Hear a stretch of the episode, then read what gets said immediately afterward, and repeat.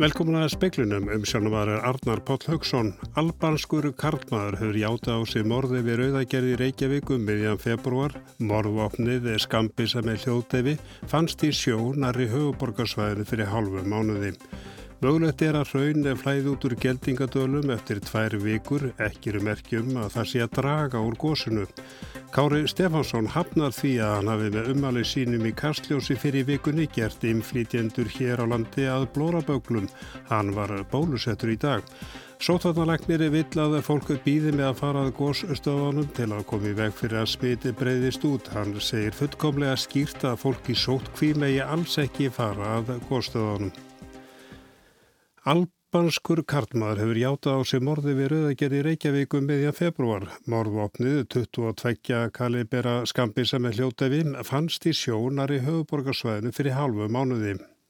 Láreglan á höfuborgarsvæðinu kynnti tíðindin á bladamannafundi síðdegis. Rúmlega 30 láreglumenn tóku beinan þátt í rannsókninni þegar mest var og tíu voru í úrvinnslu gagna og vettvangsrannsóknum.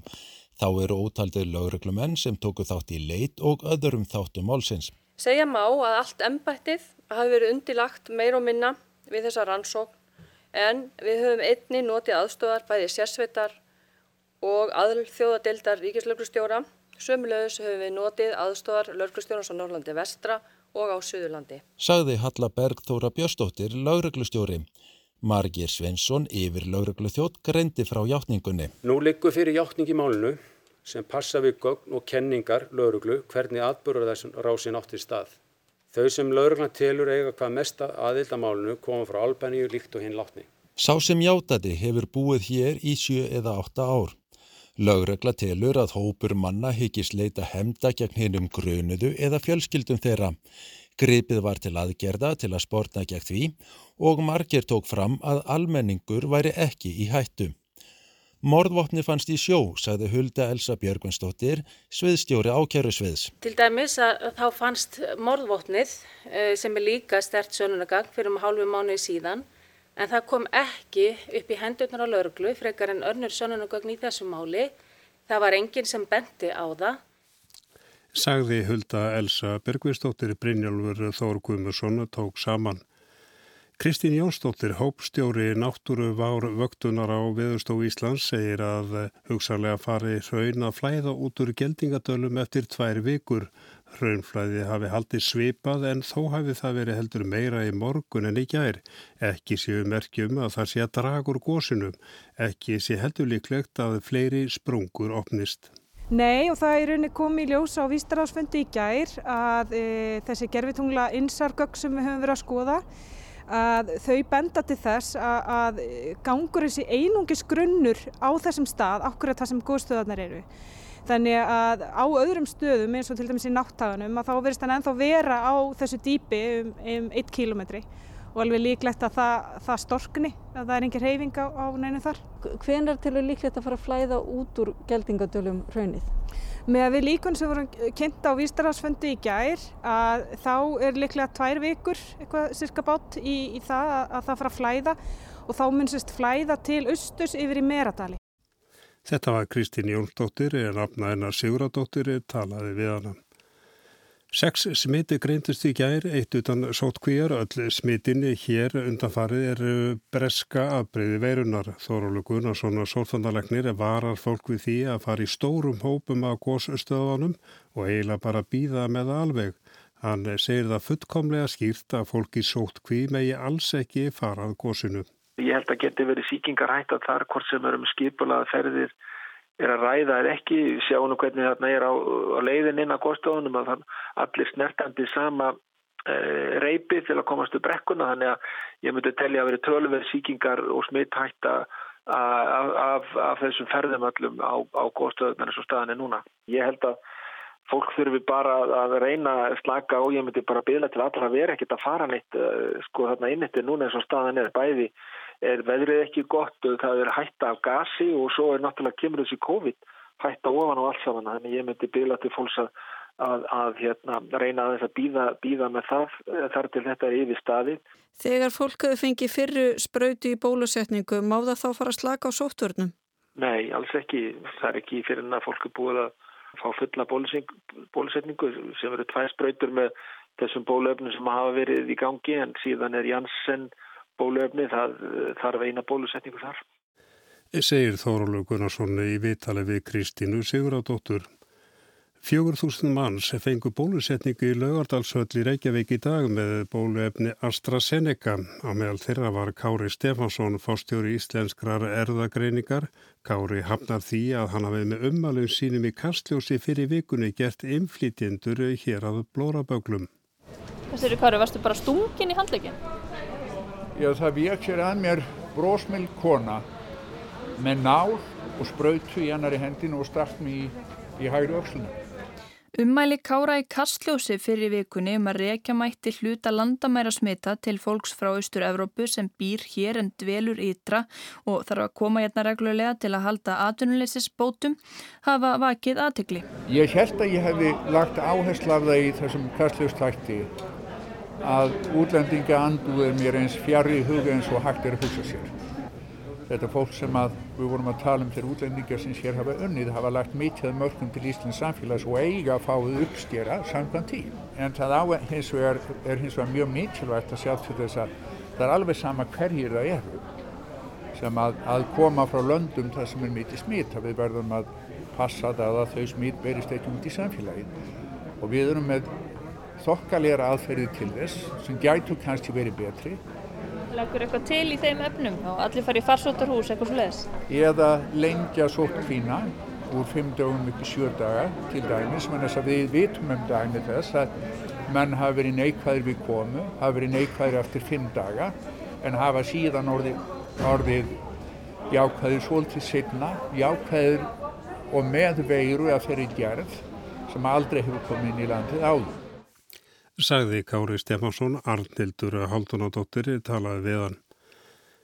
Forsættis er á þeirra Ungverjarlands tilur ólíklegt að hægt verða að slaka á ráðstöfunum vegna COVID-19 á næstunni. Faraldurinn dróa þriðja hundraði til dauða í gær. Leifi hefur verið gefið fyrir sjö tegundum bóluefna. Áformað hafði verið að heimila í næstu viku að afgreðslu tími verslana yrði lengdur og fleiri left að vera þar inn í einu en samkvæmt núgildandi reglum. Viktor Orbán þeirra sagði í útvarpsviðtali í dag að ekkert sveirum væri til að slaka á. Þriðja bylgja faraldur sinns væri í algleimingi. Mestu máli skipti að hún næði hámarki sem fyrst til að hægt er það að slaka á aðgerðum. Hans báði því að næstu tvær vikur yrðu erfiðar. 275 létust í gæra völdum COVID-19 í landinu.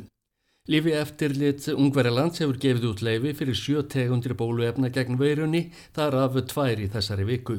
Annað er frá Kína, hitt er indverst. Búið er að bólusetja 1,8 miljónir af 10 miljónum landsmanna. Fljótlega á að byrja að bólusetja barnshafandi konur með efnum frá Pfizer BioNTech og Moderna. Orban segist vonast til þess að skólastarf geti hafist að nýju 19. april þegar kennarar og starfsfólk skólana hefur verið bólusett. Áskýr Tómasson saði frá.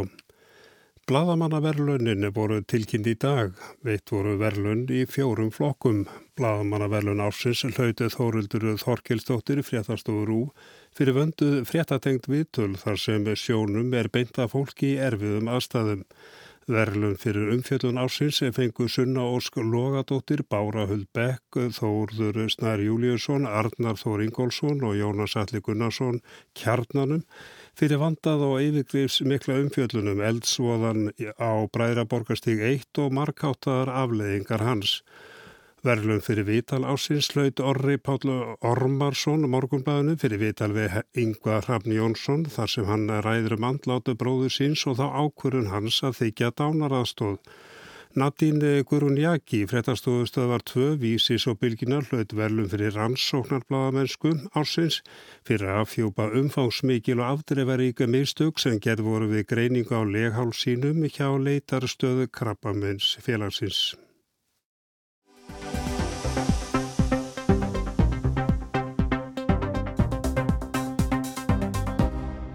Svandís Svavastóttir heilbriðisraður að flutti þingheim í dag enn einu sinni mörlega skýslu um stöðuna í barátunum við korunveruna. Yfirskrift hennar var hertar aðgerðir. Hún greindi með annars frá fjölgun smitað undaförnum á síðustu þremur vikum hefðu komið upp þrjár hóp síkingar. Það er tengdust allar breska afbreyðinu af verunni. Raðgreining hefur tengt tvo, tvö hópsmit saman þar sem upprunnin virðist komið frá einstaklingi sem greindist á landamærum. Upprunnin að þriðju hópsýkingarinnar hefur ekki tekist að rekja. Síðustu dagana hefur rakning í kringum þriðju hópsýkinguna sínt að um 200-300 manns hafa verið útsett fyrir veiruna síðastliðna viku og í byrjun vikunnar greindust 11 nemendur í sjötta bekk Laugarnesskóla smitaðir. Þessir nemendur hafa útsett fjölda einstaklinga fyrir smiti á undangengnum dögum. Hinn 23. mars greindust 14 smit innan lands, 24. 8 smit innan lands og 25. mars 6 smit innan lands. Þrátt fyrir að stór hluti þessara smita sé skilgreindur þannig að þau hafi greinst í sóttkví liggur fyrir að flestir þeirra einstaklinga voru nýkomnir í sóttkví við greiningu og voru því líklega smitandi áður en þeir fóru í sóttkví. Hún sagði að í raun væri verið að grípa til sömu aðgerða og þegar þriðja bylgjan reyði yfir í haust. Hún upplýsti að gefnir hefðu verið um 60.000 skamtar af bólefni hér á landi. Þar af hafi rúmlega 20.000 manns verið fullu bólusettir. Stemt er að því að ljúka við að bólusetja alla 70 ára eldri í vikun eftir páska og næstir í rauðin eru 69 ára og yngri með undirleikjandi sjúkdóma. Sigmundur Davíð Gunnlaugsson formað miðflóksins benti á að þessar hörðu aðgerir hefði ekki verið nöysilegar ef við hefði verið búin að bólusetja þjóðina eða ná meiri árangri, árangri sem við hefðum geta verið búin að ná. Hann hvati til þess að Ísland reynda að gera eigin samningu um kaupa á bóluefni. Hann talaði um upplýsinga óreiðum, um afhendingu bóluefna og spurði meðal annars hvað liði viðræðum við rúsa um Sputnik 5. Er verið að reyna að semja um kaup á til dæmis þessu Sputnik efni eða öðru efni fyrir alla þjóðina? Ráþurra tók undir að það væri ekki við unandi að afhendingatölu frá lygjafyrirtækjanum breytust frá degi til dags. Og ég stannar sagna hefði haldið að þessi, þessi framleiðendur væru áraðanlega en svo og, og ekki síður það samstarf Evrópusambandsins við önnur Evrópuríki væri stöðura heldur en hefur komið á daginn. Þannig að ég tek algjörlega undir það. Ég er hins vegar að, að greina frá því að við erum með staðfesta niðurstöðu núna frá Janssen og, ég tek undir það hvernig má það vera að það sé verið að breyta tölum frá degi til dags. Ég hef hins vegar lagt á það áherslu að upplýsa um allar þær tölur sem ég hef undir höndum. Og sagði líka að við við rúsa um Sputnik 5 væru á byrjunareiti. Í kær var sagt að vor var á 3500 skömmtum af bólefni frá Janssen en ráðfræði upplýsti að þeir eru 4800 Aðeins þarf að sprauta einu sinni með efninu frá Janssen. Sigriður Andisen sjálfstæðisflokki varpaði fram spurningum hvort Íslendingar ættu að falast eftir bóluefni frá AstraZeneca sem Danir hefði slegið á frest að nota. Mér finnst það ekki boðlegt að ríki siti með bóluefni með þessum hætti í margar vikur og ég kalla eftir því að Ísland óski eftir því að fá, þótt ekki væri nema að lána þetta bóluefni í þennan tíma og endurgreiði það síðan síðar þegar Ísland uh, fær sína skamta. Og Sigriður sagði að þetta ætti reyndar við um fleiri lönd en það hugnast ekki ráþurra að banku upp á hjá dönum. Hvað varðar síðan að, að seilast í bóluefni sem að eru hjá nágrannaþjóðunum á bið vegna einhverrar yfirferðar þar eins og gildir um Dani og AstraZeneca þá finnst mér það ekki koma til álita. Helga Vala Helgadóttir Samfylkingu bent á að á Nýjasjálandi væru hlutvarslega mun færri smitt en á Íslandi. Nýjasjálendingar hefðu bannað öll óþarfa ferðalögu yfir landamærin og skikka fólk í sótvarnahús. Hefur komið til álita hjá ríkistjórninni eða hjá hæstv. heilbrigðisráðherra sjálfri, þó að það hafi ekki komist í gegnum ríkisstjórn, að banna einfaldlega ferðalög til Íslands nema algjörlega nauðsynleg ferðalög. Að skylda þá sem koma hingað í sóttvarnahús telur hún lagaheimild skýra fyrir slíkri skyldu og hvaða áhrif hefur það t.d. það sem Bretar eru að gera að banna ferðalög og sekta fólk sem fer að nauðsynlausu út úr landinu? Telur hún mögulegt að Ísland og ríkisstjórn Íslands taki upp eitthvað slíkt til að verja íbúa landsins? Ég myndi ekki leggja það til að banna ferðalög. Ég hef ekki gert það hingað til. En hins vegar þá hef ég tekið undir þær tillögur sóttvarnalæknis að að það beri að sitja sóttkví í sóttvarnahúsi komi maður frá sérstaklega alvarlega stöddum svæðum að því er varðar útbreiðslu faraldursins.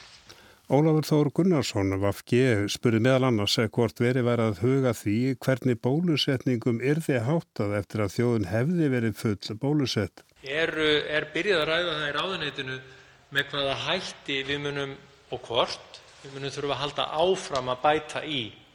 Munum við þurfa til dæmis að endur bólusetja, munum við þurfa að nota svo kallaða, fyrir ekki þeirra fórstu, bústera til, að, til þess að íta undir áframhaldandi ónæmi í samfélaginu. Ráþurra sagði að vissulega væri þetta einu sviðsmynd að lokinni bólusetningu.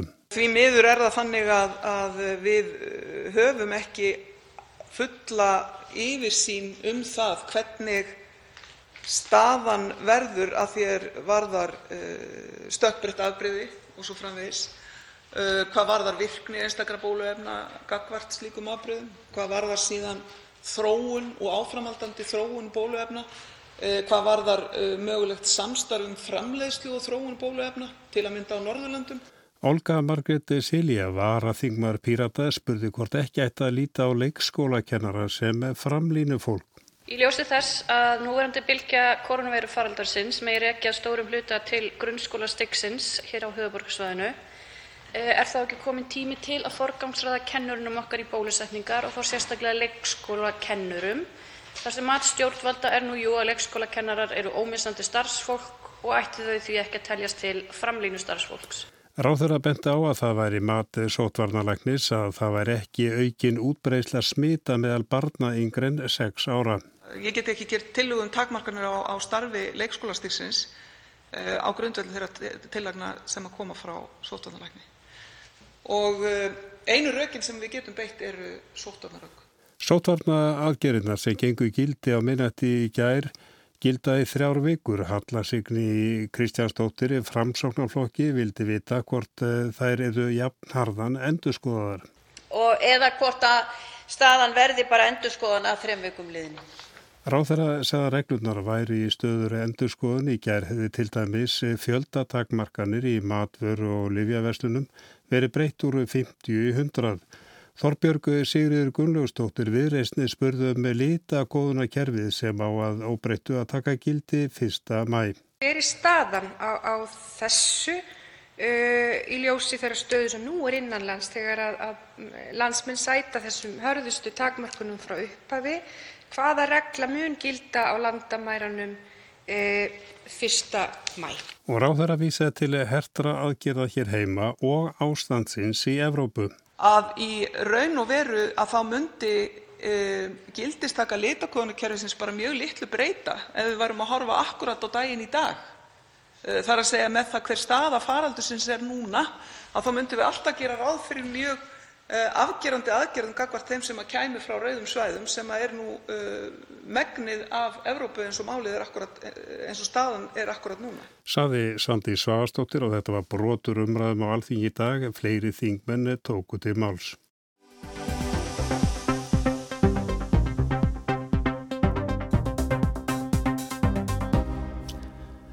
Skólar og bættar samgöngur eru íbúum ofarlegi huga á þeim svæðum þar sem að kjósa um samvinningar á árunum. Einfaldari stjórnsýsla og sterkari sveitarfélög eru markmið þeirra sem stýra saminninga við ráðunum. Kjósa á í 11 sveitarfélögum í sömar og í höst um saminningu. Þetta eru fjögur sveitarfélög á norðvesturlandi, tvö á norðausturlandi og fimm á söðurlandi. Í öllum kostningunum gildir það sama. Íbúar í hverju sveitarfélagi þurfa að samþykja saminningu svo af henni verði. Ef íbúar á einum staðfella verður ekki saminað í hinum á svæðinu. Byrjum á Norðvesturlandi. Þar gengur sammenningar á allunin undir heitinu húnvetningur. 5. júni greiða íbúar að hvaðum sammenningu Blöndósbæjar, Húnavarsreps, Skagabegðar og sveitarfélagsins Skagastrandar. Fjölmennasta sveitarfélagið á svæðinu er Blöndósbær með 950 íbúa en fámennasta sveitarfélagið er Skagabegð. Þar búa 92 en Skagabegð umleikur sveitarfélagið Skagaströnd. Í saminniðu sveitarfélagi eru þau íbúarnir tæplega 1900. Formaður samstarfsnemndar um sammenningu í Östur Húnavarsíslu er Jón Gíslason, oddviti sveitastjórnar Húnavarsreps. Hann segir að sammenningin gangi út á að fylgja þróuninni, eitt sveitarfélag sé sterkara saminnað en fjögur sitt í hverju lægi. En sér hann einhverja ókosti við sammenninguna? Já, þetta eru kostir og gallar við allar hluti og ekki síst sammenningu sveitafélaga. Það er náttúrulega skólamáli sem eru alltaf viðkvæmust í gagvat sammenningu sveitafélaga og í okkar tilfelli þá er svona verið að tala um að að í framtíðin eru saminnaðir blöndurskóli og, húnaldarskóli og það er auðvitað svona sem er sjákosti og aðri galla við það, það er svona kannski það sem við viðkomast. Með saminningu vonast sveitafélagin til þess að ná eirum ríkisvaldsins sem betri samgöngur. Það er bríðast að hagsmarmál dreifilsins á þessu svæði að, að það eru samgöngubætur. Við erum með mjög mikið af lélugum eh, tengi og hérarsvegum og eh, sveðvarækt er mjög stór þáttur í okkar dreifbíli hér og og sem áhendur höggvar sækja með þessar myndir þannig að það er eitthvað annað sem þarf að koma til með og þá þarf fólk að geta komist, komist liða sinna. Sko. Snýst það um öryggi eða snýst það um tíma eða hvort tvekja? Það snýst alltaf um hvort tvekja og, og bara mög, fyrst og næst möguleika sko, því að uh, mjög liðleir vegir eru náttúrulega bara ekkit bara ekki færir þegar vestlætur. Í saminuðu sveitarfélagi á að skipta stjórnsíslunu á millið þjettbíliskjarnana, skagastrandar og blönduós. Starfsfólk geti eftir viðveru á báðum stöðum þar að segja ef það verður saminað. En hvað ef íbúar fell á samininguna? Það er náttúrulega bara setjum tíma mál sko. Ég get ekki svarað fyrir það. Það er ekki mikið mál í rauninni sko að halda áfram með veist, eh, hlutarsveitafélagunum í sko. Það er mikil vinna sem likur á baki þessar, þessar, þessar samlingavinnu og hérna þannig að það er að nýta sér hana áfram sko þó að færi sveitafélagi að taka sér saman og og kjósaftur. Það er ekki, það er ekki flókið og er þetta að gera þessna strax í haust eða þess vegna ef það eitt gengi ekki sko. Segði Jón Gíslason formaður samstarfsnefndar um saminningu í austur húnavarsíslu. Færum okkur austar. Á Norðurlandi eistra á að kjósa um saminningu tvekja sveitarfélaga, skútustadarheps og þingaegarsveitar. Verkarnið gengur undir heitinu þingaengur og ef af saminningu verður, verður það landmesta sveitarfélaga landsins, 12% af flatarmáli og rúmlega 1300 íbúar. Megin atvinnuvegir eru ferðarþjónusta landbúnaður og orkuvinnsla. Nú búa 470 í skútustæðarheppi og 850 í Þingajarsveit. Helgi Hjeðinsson, oddviti skútustæðarhepps, er formaður samstarfsnemndar um samenninguna. Og það sem við horfum á hér er að hér eru tvö sveitafjölu sem eru ansið fámenn en, en gríðarlega stór ef við horfum til landfræðilegra þáttan. Uh við erum að fástu krefjandi viðfarsefni á, á sviði stjórnsýslu og, og svona rekstur sem er ofta tíðum uh, vandarsamur og hefur orðið kannski svona tæknilega flóknari með árunum. Þannig að við sjáum mínust tækifæri því að, sjá hvort að sjá einhverja því að saman er kraftana formulega. Og það er einnig þess vegna sem við förum í þessar vekkferð og, og, og kannski ekki síst vegna þess að við erum átt í sérlega á síðust árum í mjög miklu og góðu samstarfi og svona við fyrstu hugsun og fyrstu greiningu áður en við fórum í rauninni formulega ferli að þá í fyrsta lagi litur við svo að það væri líklega þó nokkur tækifæri í þessu og ekki síður en að það væri bennins hlutverk okkar að gefa í bónum valkosti til framtíða því að ég held að eða margir og rauninni að flesti séu þeirra skoðanar að sveitafélögum muni fækka og þau þurfi að vera stærri og sterkari. Spurður af hverju íbúar hafi helst áhyggjur vegna sammenningarinnar segir Helgi að það sé ekki mikið um núningsfleti og engin augljós ágreiningsmál. Eh, línunar eru nokkuð skýrar og við höfum nálgast þetta tvísetta því að það sem ég nefndi var auðvitað svona praktíska hliðin en hinn hliðin er verkefni sem við fórum í samhliða sammenningavirðanum sem heitir Nýsköpun í Norðri og snýrist um það að íbúar innu þvert á sveitaféluna þegar greina tækifæri til framtíðar á sviði nýsköpunar og, og hérna þá bæði eitthvað nýtt í þeim skilningi en líka hvað við getum gert betur í núerendu umhverju. Sveitafélun vísna líka til leita þau byggja á orkuvinslu landbúnaði og ferðarþjónustu og, og nálgast þetta svona aðeins út frá, út frá þeim vinklir. Líkt og í sennilega flestum sammenningaviðræðum eru samgöngumál sett á ottin, bæði bættir vegir innan sveita og einbriðu brýrnar yfir skjálfandafljót og jökulsá á fjöllum. Helgi bendir á að þær séu hættulegar og það þurfi að flýta þeim framkvæmdum. Skólan á ekki að samina en Oddvitin segir að með saminningu sveitarfélagana væri hægt að auka möguleika unglinga á félagsstarfi og hópíþróttum. Stjórnsýsla sveitarfélagana tveggja er á laugum í Þingajarsveit og í skútustæðarheppi er hún í Reykjahlíði Mývatn. Og hér kemur reynslan af fjárvinu vegna COVID inn. Og við leggjum áherslu á að þessi þróun gangi ekki tilbaka. Við höldum áfram að nýta tæknina til þess að auka lífsgæði fólks og, og, og jafna tækifæri fólks ansbyðinni við þau tækifæri sem henn hafa mikið til á höfuborgarslæðinu. Til þess að auðvitað auka frambóð starfa sérlega við og ríkisins og sveitafélag og þess að það verður aldrei förðulegt ef við varum í þessum viðræðum að, að hafa áhyggjur af því nákvæmlega hvar steipukassin verður sem við ætlum ekkert að nota meirinu þurfum. Sagði Helgi Hjeðinsson. En brunum nú úr skútustæðarheppi söður um óbyggðir og inni af rétt sunnlendinga, ásarhepps nánar til tekið. Því á Suðurlandi er stemtað atkvæðagreðslu samhliða þingkostningum 25. september. Þar greiða íbúar í ásarheppi, rángárþingi Ytra, rángárþingi Istra, Myrdalsreppi og Skaftarreppi um atkvæði um saminningu í 5.300 manna sveitarfélag. Saminningarverkefnið er kallað Sveitarfélagið Suðurland. Anton Kári Haldorsson, oddviti Rángarþings Eistra, er formaður samstarfsnefndar um saminninguna. Eftir óformlegar viðræður var haldinn rafræn kostning þar sem meiri hluti íbúa vildi að saminningaviðræðum erði haldið áfram. Hann saðist telli að sveitarfélagunum sé betur borgið saman en í hverju lægi. Nú þegar sé mikið samstarf á milli sveitarfélagana. Ég heldur sem er 12 byggðarsamlega í dag sem myndir þá náttúrulega fækka hérna til muna sem þetta ef þetta samninga kæmi og það er náttúrulega líka mikil hagraðing í því. Við erum í dag, það eru 370 nefndar og stjórnarsæti í þessum fimm sveitafélugum sem myndir með samanningu kannski fækka neyri svona 65-70 sæti. Þannig að það eitt og sér í rauninni hérna sínir alveg hvernig, hvernig þetta má liggur sko. Já, og er þetta allt saman uh, launuð stjórnarsæti, er þetta, er þetta sparnaður eða bara tímasparnaður? Eða? Uh, þetta er tímasparnaður og einföldun á stjórnsýslinni og einfaldari bóðleðir uh, en það er kannski svona bónus í þessu að þetta er líka hægræðing en, en svona svo það sé alveg á hreinu að sveitafélagin fóru ekki í þessa vinnu í rauninni gert til þess að ná fram hagraðingu. Það, það var ekki kvatin að vinnunni. Kári telur að þinn almenni íbúi eitt ekki að finna mikið fyrir sammenningunni. Helsta breytingin sé einföldun á stjórnsíslunni og ebling hennar. Það eigi líka að ebla rafræna þjónustu til muna. Íbúi á kirkjubæjaklustri ætti ekki að þurfa að keira á kvólsvöld til þess að sækja sér þjónustu sveitarfélagsins, svo dæmi sér tekin. Þá standi ekki til að fækka skólum. Sveitarfjölegin 5 eru mis fjölmenn.